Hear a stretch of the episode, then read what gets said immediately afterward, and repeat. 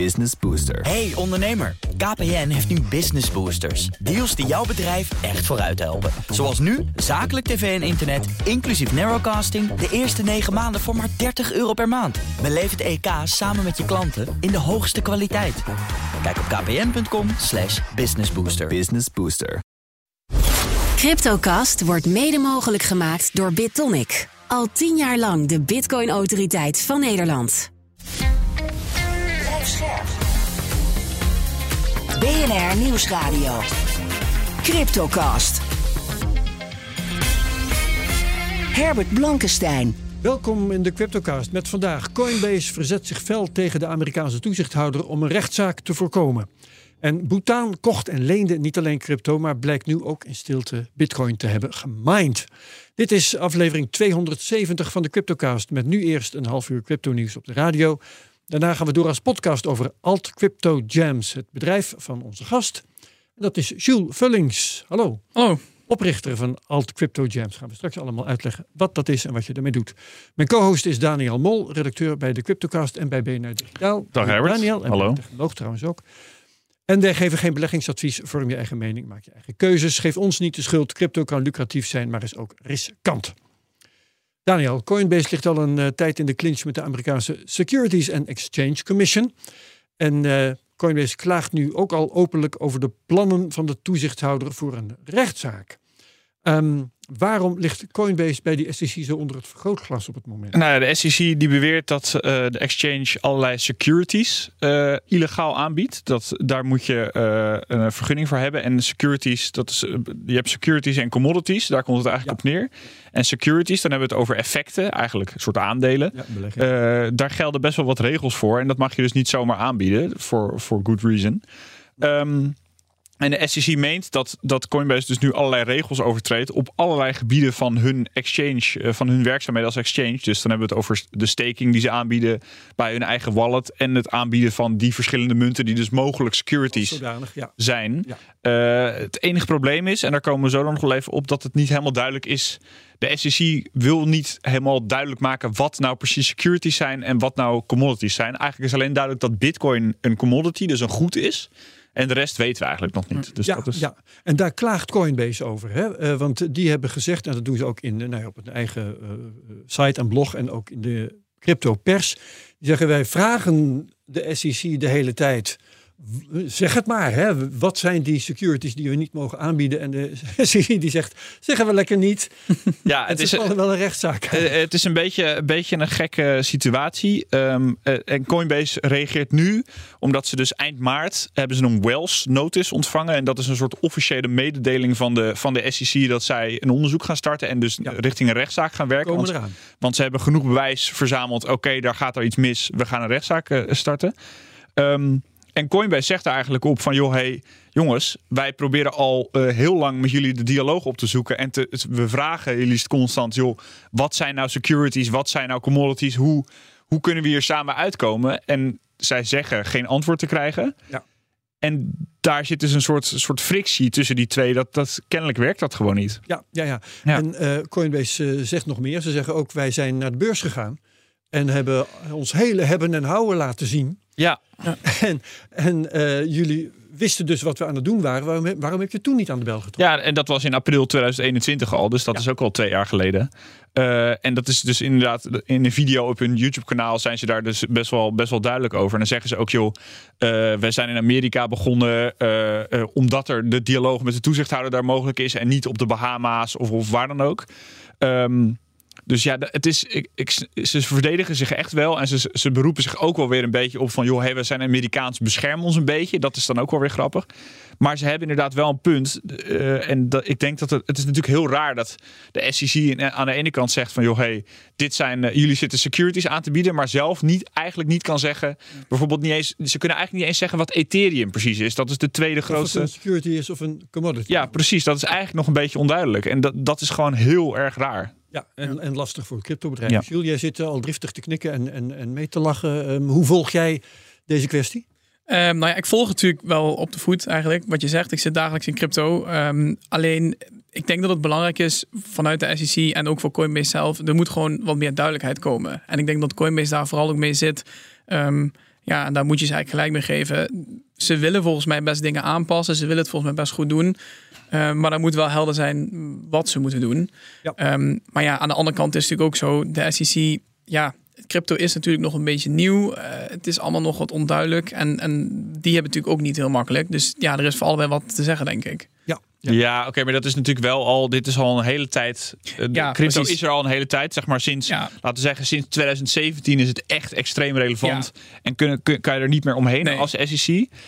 Ehm, maar aan de andere kant zou ik ook wel willen zeggen: Coinbase eh, ontkent ook dat ze securities aanbieden. Ja. Eh, tuurlijk, door die onduidelijkheid, daar maken ze ook een beetje gebruik van. Maar er staat ook wel, zij bieden heel veel munten aan. Ja. Maar ik En eigenlijk dat zou zeggen. hè, waar, Ja. Precies, en eigenlijk zou ik daarvan zeggen, joh, 95% van die munten zijn denk ik wel effecten. Ook al, daar kan ik natuurlijk niet over oordelen, want ik ben niet de toezichthouder. Nee. maar Maar volgens Daar gaat wel- eenvoudige criteria. Hè, eh, mensen winst in het vooruitzicht stellen Ja. door inspanningen. een team erachter dat promoot, et cetera. Gewoon, gewoon als, als een aandeel eigenlijk, dan Ja. zou je kunnen zeggen, joh, dat zijn eigenlijk wel effecten. Dus misschien hebben ze daar ook wel weer een punt. Ja. Ja, zeker. Ehm, toch is het duidelijk dat eh, sinds kort eigenlijk de SEC op het oorlogspad is. Ja. Hè, echt een offensief inzet.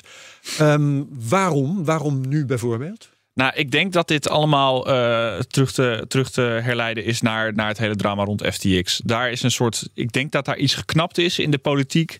Eh, voor de Biden-regering. Eh, Gary Gensler is de voorzitter van de SEC, dat is ook een democraat. Ja, waarvan ooit gezegd werd, van, nou, die heeft een beetje verstand van crypto. Ja, die ooit, dacht iedereen van joh, hij heeft wat, wat lessen blockchain en crypto gegeven op, eh, Ja, op een universiteit. Hij snapt het goed, maar hij is, hij is gewoon heel erg anti-crypto blijkt. En ik denk dat dat allemaal terug te vloeien is naar FTX. Kijk, we hebben de, in, de, in de zomer van 2022 natuurlijk Terra Luna gehad, wat, wat spectaculair explodeerde. Eh, maar FTX was echt een bedrijf met heel erg een voet, voet aan de grond in Amerika. Ja, in de Sam politiek ook. Precies, Sam Bankman-Fried was echt een, een tijdje een lieveling van de politiek. Van het, hij was daar overal, iedereen kon met hem praten, hij was heel bereikbaar. En die bleek dus de hele boel te belazeren. En ik denk dat daar, echt, dat daar echt iets geknapt is. En dat de toezichthouder en eh, in het verlengde dus eh, de politiek wel heeft besloten van... joh, hey, het is nu misschien een beetje klaar met, eh, met crypto hier. Ja, nou, de politiek heeft nog niet zoveel besloten. Hè. Ehm, Nee. De, de, stemmingen zijn daarvoor, de stemming is daar vooral verdeeld volgens mij. Je hebt hele sterke crypto-voorstanders en hele sterke crypto-tegenstanders. Ja, dat zit hem natuurlijk weer eh, een beetje de traditionele scheidslijn tussen democraten en republikeinen. We hebben nu een democra eh, democratische regering onder Biden. Die zijn over het algemeen vrij kritisch. Er zijn ook democratische senatoren zoals Elizabeth Warren, die echt heel pittig tegenover crypto zijn. En aan de andere kant republikeinen, het- staten als Texas, als Wyoming, die dan heel eh, pro-crypto, pro-vrijheid zijn. Dat is een scheiding die we natuurlijk vaker kennen. Ehm, zag je trouwens ook laatst in het congres. Toen werd Gary Gensler moest verantwoording afleggen voor wat de SEC allemaal doet. En dat ging natuurlijk ook over crypto. En dan zijn het toch de Republikeinen die toch echt een hele kritische vragen stellen. en eh, de- ja, het is natuurlijk ook wel weer een beetje overdreven. Maar echt heel hem echt aanvallen op wat hij aan het doen is. En Nou, dat, meer aanvallen dan vragen stellen. Ja. is ja, nou, er zaten ook wel goede vragen bij hoor, wat ik, wat ik heb gehoord. Maar het, eh, inderdaad, het is, de Amerikaanse politiek is misschien ook een beetje toneel en een beetje extreem. Maar de, de scheidslijn Democraten-Republikeinen is heel erg duidelijk. Ja. Ja, ja. En Jules Vullings, we, we hebben intussen in Europa die MICAR-wetgeving, hè, die Ja. aangenomen is en eh, binnen afzienbare tijd gaat gelden. Eh, is dat een, een voorbeeld voor de Amerikanen, hoe het zou moeten? volgens Ehm, ja, ik weet niet of je het echt een voorbeeld kan noemen. Ik denk wel, ehm, ja, ze zijn natuurlijk al lange tijd mee bezig. Ik denk dat de regelgeving en de kant waar het naartoe gaat wel belangrijk is. En ook ergens wel goed is voor crypto. Ehm, omdat het dan ook gewoon wat duidelijker is en, en men weet waar je aan toe bent. Ja, het is natuurlijk toch een stukje beveiliging wat er dan bij zit. Dus ik denk dat het echt een betere kant op gaat. Ehm, maar goed, ja, de vraag is: is het het ideale en is dat per se een voorbeeld van Amerika? Mm, Ja, zou ik ook niet per se zeggen. We, konden dit altijd van twee kanten belichten. Eh, we hebben ook wel eens hier gezegd, of mensen hier aan tafel hebben ook wel eens gezegd, joh, in Europa lopen wij nu voorop met regelgeving, Ja. maar de rest vergeten we een beetje. Dus zijn wij weer de strengste en hebben, krijgen we eigenlijk niks voor elkaar. Ehm, en daar spinnen ze in Amerika garen bij, want het leek Ja. heel lang dat Amerika het cryptoland Ja. zou worden. Ja, die medaille blijkt twee kanten te hebben. Ja, precies. precies. En nu, nu is het misschien allemaal anders. Er is geen duidelijkheid in Amerika. Coinbase, een Amerikaans bedrijf, wordt nu aangevallen op het feit dat zij, dat zij regels overtreden waar die, waarbij die regels eigenlijk heel Ja. onduidelijk nog zijn. Dat is, dat is gewoon heel erg lastig. Coinbase zou ook kunnen zeggen, joh, hey, wij vertrekken, we gaan Ja. lekker naar de Bahama's Naar Europa. of Ja, naar Europa. ergens hier, ja. En dan ben je als Amerika gewoon een heel groot beursgenoteerd bedrijf kwijt. Dat lijkt me ook niet wenselijk. Ja. Uh, en in, met Mika heb je wel de duidelijkheid. Je kan door heel Europa opereren. Het zijn, oké, het zijn best strenge regels al. Er, er, komen nog meer regels. Maar je hebt wel duidelijkheid. Nou ja. Oké, ja. we gaan uh, naar de prijzen met Bert Slachter, analist bij de digitale industrie Bitcoin Alpha. Hallo Bert. Goedemorgen. Het is uh, 2 mei. Gisteren op 1 mei ging de Bitcoin echt een serieus stuk omlaag. Hoe komt dat? Ja, gisteren um, van ongeveer 30.000 naar 28.000 dollar. En vorige week zagen we ook al zo'n stevige slingering in de prijs van uh, ook 30.000 naar zelfs 27.000 eventjes. Um, en dat is het, het, het, het, gaat dan even snel, hè, maar het is uiteindelijk maar een procent of vier wat het dan daalt. En dat, dat valt keurig in het prijsbereik waar we nu zo'n zes weken in zitten. De afgelopen zes weken. Ja, zeker. dus, dus nu zes weken tussen 27 en 31.000 dollar. En um, ja, wat we eigenlijk zien is dat heel veel um, handelaren met name... dat die uh, zeggen, ja, weet je, ik, ik, ik wacht het eventjes af welke kant we kiezen. We hebben het uh, vorige weken in CryptoCast ook wel gehad over de markten, de financiële markten die op een soort kruispunt staan. Ook een beetje afwachtend van wat gaat de Amerikaanse rente nu doen. Um, uh, zien we meer tekenen van een recessie komen. Um, goud tegen een all-time high aan, de dollar op steun, weet je, allemaal dat soort dingen. En ook Bitcoin ja, zit een beetje tussen hoop en vrees. Zo sloten we volgens mij vorige week af. Ja, en in zo'n markt waar wat minder liquiditeit is, ja, dan kan zo'n in korte tijd flink heen en weer slingeren. En ik denk dat dat is wat we de afgelopen, nou ja, gisteren dus en vorige week woensdag, donderdag gezien hebben. En dat er niet een heel duidelijk aanwijsbare reden voor is. Ja, en, en we hebben het lang gehad over de grens van 28.800. Er was uh, allerlei historische betekenis had die. Uh, daar trekt niemand zich meer iets van aan. Hè? Deze afgelopen week werd die, weet ik hoe vaak overschreden, opwaarts en neerwaarts, maakt allemaal niet uit. Ja, dus dat kan je van twee kanten bekijken. Of niemand trekt zich er wat van aan, of iedereen trekt zich er iets van aan. Hè? Want je zou ook kunnen zeggen dat er rond die, die grens er een soort um, uh, strijd is tussen twee zienswijzen. Namelijk de groep die denkt dat we echt nog wel omhoog gaan qua koers. Er is daadwerkelijk wel vraag in de markt. Um, en daar is ook wel onderbouwing voor. Maar er is ook wel een groep, een zienswijze van nou ja, we gaan eerst wel corrigeren naar 20 tot 25.000 dollar. en juist wat dat betreft is het heel opvallend dat die strijd zich afspeelt rondom die grens. Um, kijk, die heel precieze koers, die betekent inderdaad op dit moment niks meer. In de zin in dat het is niet dat daar nu nog orders liggen of dat daar nog mensen hun uh, posities willen sluiten. Dat, dat is een gepasseerd station. Maar dat we hier omheen cirkelen, dat geeft mij juist aan dat het daadwerkelijk betekenis heeft. Oké, ja. Um, intussen zit er alweer een nieuw rentebesluit aan te komen. Dat is de laatste tijd steeds heel belangrijk. Wat zijn nu de opties? Ja, morgen is dat woensdag 3 mei. Dan uh, zal Jerome Powell vertellen wat ze beslissen. 25 basispunten en 0,25 procentpunt omhoog. Dat is ingeprijsd, dat verwachten de meeste analisten ook. Um, maar waar men vooral naar gaat kijken, naar gaat luisteren, is de toelichting van Jerome Powell en de uh, vragensessie met de journalisten. En dan gaat men letten op hoe hij de signalen in de economie en in de financiële markt interpreteert. Vindt hij iets van, nou ja, de werkloosheidscijfers, de arbeidsmarkt, de, de, de, de, de vroege signalen van een recessie? Vindt hij iets van de instabiliteit in de bankensector? Hè? De, de, de moeite die bedrijven en huishoudens hebben om te lenen. Het is heel veel duurder geworden, de huizenmarkt. En hoe kijkt hij daarnaar? Dus dat is waar men vooral denk ik op gaat letten. En daar zullen markten misschien wel op reageren. Ja. En uh, jij schreef nog in de Bitcoin Alpha over uh, ja, de mogelijkheid dat de Fed te hard aan de rem zit te trekken. Kun je daar kort iets over zeggen? Ja, nou ja, kijk, um, die rente is heel erg verhoogd. Hè? En um, de, de leencondities zijn heel veel krapper geworden. Het is heel veel duurder geworden om te lenen. En dat zijn allemaal mechanismen om uiteindelijk die inflatie omlaag te krijgen. Maar het zijn ook mechanismen die best wel lang tijd nodig hebben om echt door te werken in de economie. Um, tussen de 6 en de 18 maanden, een beetje afhankelijk van welke route het kiest. Hè, via bedrijf of via huishoudens of via werkloosheid. Allemaal routes. En het zou best eens kunnen zijn dat tegen de tijd dat er echt een probleem zich aandient. Hè, dus de economie komt in een, in een heel duidelijke recessie terecht. Of de, de, de obligatiemarkten lopen vast. Of de bankensector die raakt nog verder in de problemen. Dat. Um, er dan al heel veel schade in de pijplijn zit die nog moet komen. Heel veel remactie. En dat is een van de, van de ehm, dingen waar men nu een beetje bang voor is. Dat je dan dus in de problemen zit en dat je dan eigenlijk weet... Hmm, de komende x maanden gaat er nog veel meer pijn bij komen. En dat is het idee van, nou, misschien heeft de Fed wel te hard geremd... Hè, en daarmee iets erger gemaakt dan het eigenlijk had hoeven zijn. Ja.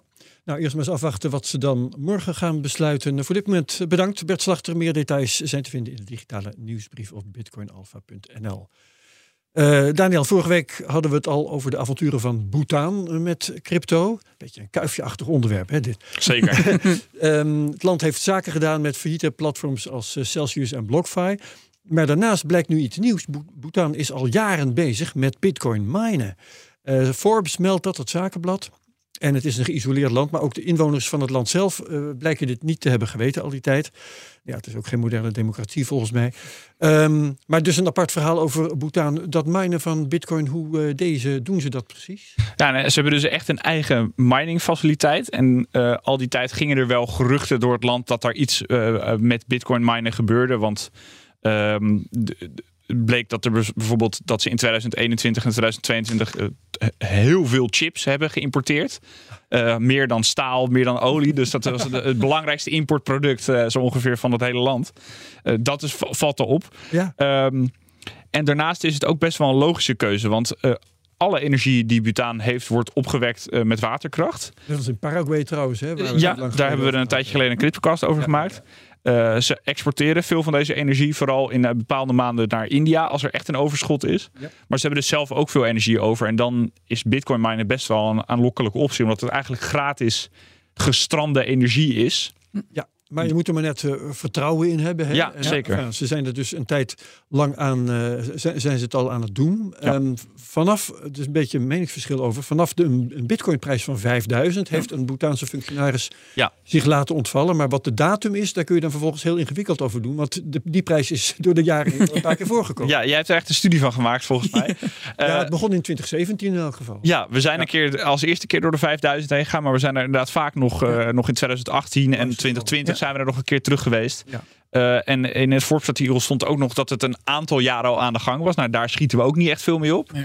Uh, ik gok eigenlijk een beetje, als je, als je het ook vergelijkt met die, het, importeren van meer chips, dat dat in 2020 zo'n beetje begonnen is. Want uh, ja, een aantal jaren, ja, dat, ik denk dat dat ongeveer toen begonnen is. Dat, Ja, dat ja. moet Kijk jij ervan op, Jules, dat je dit hoorde? Uh, nou ja, kijken van op niet per se. Er zijn natuurlijk meerdere landen die het doen. China is natuurlijk een groot land geweest wat veel gemined heeft. Um, nou ja, uh, El Salvador is natuurlijk een, een, voorbeeld van een land wat veel met bitcoin doet. Um, het enige wat ik me dus gewoon afvroeg, en ik weet niet, misschien weet jij er iets van. Waarom zou je dit uh, verbergen? Waarom zou je het niet eerder... Ja, je kan natuurlijk zeggen, dan weten mensen dat je bitcoin hebt. Maar waarom zou je het per se geheim houden? Dat vroeg ik me vooral af. Ja, dat zagen we bij... Uh, ze waren dus ook klant bij BlockFi en Ja. Celsius. Het staatsbeleggingsfonds hebben we het dan nu over. Ja, Uh, dat was ook geheim. Ja, dat, dat is best wel raar. Misschien, Ja. ja. ja, het is natuurlijk best een uh, risicovolle asset. Ja. Ook Crypto in, in zijn geheel, laat ik maar zeggen. Asset class. eh, moeten ze het IMF te vriend houden. Precies. Ja. En de, de El Salvador heeft bijvoorbeeld hartstikke erg op zijn donder gekregen van het, van het uh, IMF. Um, Indie ook trouwens. en, ja. ja, en dat is dus gewoon, uh, ik denk, slimmer om geheim te houden in die Ja. zin dan, dan, Dan- echt. Uh, Is bekend wat ze met de opbrengst uh, hebben gedaan tot nu toe? nou ja, dat, dat, dat zit hem dus ook weer een beetje in dat BlockFi en Celsius verhaal. We hebben het, we hebben het vorige week gehad over drug holding en investments. Dat is dus het bedrijf dat het staatsbeleggingsfonds van dat butaan uh, voorstelt. Um, en zij hebben daar dus, uh, zij proberen dus winst te maken met crypto. Ze hebben volgens mij best wel wat geld verloren bij BlockFi en Celsius. Ja. Uh, en de, de opbrengsten van het minen vloeiden ook dit fonds in. Dus ik denk dat het uh, in ieder geval gewoon bijgeschreven is onder de post uh, crypto. Ja. En verder voor de rest niet helemaal duidelijk. Ja, misschien hebben ze er meer computerchips van gekocht. Of, uh, ja. ja, Volgens mij stond het ook ergens in een artikel dat ze dachten dat ze het geld weer gebruikt hebben om nog meer Ja. chips en nog meer mining Ja. uh, apparaten te Ja. kopen. Ja, nou ja, wie weet. um, in ieder geval uh, uh, gemined, belegd. Maar zegt dit verder nog iets over de houding die de regering in Bhutan over crypto heeft? Ja, Want, ik, eh, dat, Ligt het wettig betaalmiddel dan voor de hand? ik heb het idee van niet Het voelt, het voelt allemaal een beetje opportunistisch. Ik denk eigenlijk als ik een gokje mag doen, dat er iemand bij dat drug holding en investments gewoon uh, op de hoogte is geweest van crypto. En die dacht, daar toevallig een hey, ja, precies. Misschien, Ja. Moeten we, misschien moeten we dit gaan doen. En is dit een slim idee? Ehm, ik denk niet dat het hele land echt wat in crypto ziet. En helemaal niet in de, in de zin van een wettig betaalmiddel. Zoals we dat bijvoorbeeld in El Salvador hebben gezien. Ik denk gewoon een gokje of zo. En dan misschien het minen van bitcoin. Zou ik dus nog kunnen zeggen van joh, hey, die energie Ja. is over. Eh, als je die niet altijd, die kan je natuurlijk niet altijd ook exporteren ongelimiteerd. Nou ja, misschien is dit dan een handige optie om die energie dan in te zetten. Ja, ja, en Misschien zijn ze er wat in doorgeslagen. Dat ze dus inderdaad dat dachten. En toen is het allemaal wat ontploft. En is het allemaal verder gegaan. En dat ze dachten, nou ja, dan gaan we nu ook maar volledig ervoor. En eh, we zetten Ja. alles in op crypto. In geval zouden we het nu in de blok, via de blockchain eh, in de gaten moeten kunnen Ja. Dat is allemaal uitsproken. Oké, ehm, Jules, we gaan het even hebben over de podcast die we straks opnemen met jou. Eh, jij bent de leider van Alt Crypto Jams Ja, oprichter. klopt. Ehm, hoe lang al eigenlijk? Eh, ik heb eigenlijk pas mijn Twitter-pagina vooral gemaakt in begin 2021. Eh moet liegen om de datum, maar ergens in maart 2021. En zoals de naam al zegt, is het iets met altcoins. Maar Ja. wat doe je precies? Ehm, ik ben eigenlijk begonnen met eh, ja, het plaatsen van altcoins die ik kocht en verkocht eh, in 2021 dan. En dat is nu eigenlijk wat uitgebreid en wat meer ontploft. Eh, en nu doe ik eigenlijk alles crypto gerelateerd. Dus het, het plaatsen over ehm, ja, algemeen nieuws over crypto. ehm, bepaalde munten waarvan ik denk, goh, daar zou ik mijn geld in willen stoppen. Wat handleidingen maak ik. Hoe begin je nou in crypto? Hoe koop je, hoe verkoop je iets? Ja, meer content over crypto eigenlijk is hetgeen Ja. wat ik doe. Educatie, journalistiek Ja, ja. over crypto. En Ja. wat, eh, wat zit er achter de keuze voor altcoins? Ehm, nou ja, de grootste reden eigenlijk was dat. ehm, kijk, Bitcoin kent eigenlijk bijna iedereen wel inmiddels. Eh, en toch hoor je altijd het verhaal dat mensen op een verjaardag zitten en die zeggen: Goh, ik heb eh, 500 euro, ik heb 1000 euro, eh, waar zou ik het ergens instoppen? En het idee was toen van iedereen om daar zoveel mogelijk geld mee te verdienen. En ik denk als je nu 500 euro in Bitcoin stopt, dan zal het uiteindelijk wel wat meer worden. Maar voordat je daar echt een, een, een ja, goed geld mee kan verdienen, eh, ben je een heel stuk verder. En met altcoins is het risico ook zeer zeker groter, denk ik. Ehm, maar is er ook een, een mogelijkheid om het iets sneller ehm, ja, meer van te maken. Bij bitcoin kom je een behoorlijk percentage, eh, ik zou zeggen, ideologen tegen. Ja, precies. Eh, zo te horen ben jij daar redelijk vrij van. Gaat jou meer om de opbrengst. Klopt dat? Nou ja, zo ben ik eigenlijk begonnen. Ehm, eh, meer om die reden ook gewoon. Ja, wat je, ik hoorde toen van vrienden en die zaten erin. En zo ben ik eigenlijk erin gerold. En inmiddels, ja, ik zit natuurlijk zo ver in nu en zo lang al dat ik ook het interessant vind wat crypto doet. En nu dit soort verhalen, net zoals Butaan. Ik vind het gewoon heel interessant om Ja. te zien wat het doet met de wereld. Ehm, maar echt puur de, de technische aspect, inderdaad, het ideologie. Zo ben ik niet begonnen, nee. We gaan eh, daar straks een eh, mooi gesprek over Ja. opzetten in de podcast. Dankjewel voor dit moment. Eh, Ja. Jules Vullings, oprichter van Alt Crypto Gems. Dankjewel ook co-host Daniel Mol. Tot zover de Cryptocast op BNR. Wie meegaat naar die podcast, heel graag. Zo niet, ook goed. En dan heel graag tot de volgende week bij de Cryptocast op BNR. Dag. Cryptocast wordt mede mogelijk gemaakt door BitTonic. Al tien jaar lang de Bitcoin-autoriteit van Nederland. Business Booster. Hey ondernemer, KPN heeft nu Business Boosters. Deals die jouw bedrijf echt vooruit helpen. Zoals nu, zakelijk tv en internet, inclusief narrowcasting... de eerste 9 maanden voor maar 30 euro per maand. Beleef het EK samen met je klanten in de hoogste kwaliteit. Kijk op kpn.com slash businessbooster. Business Booster.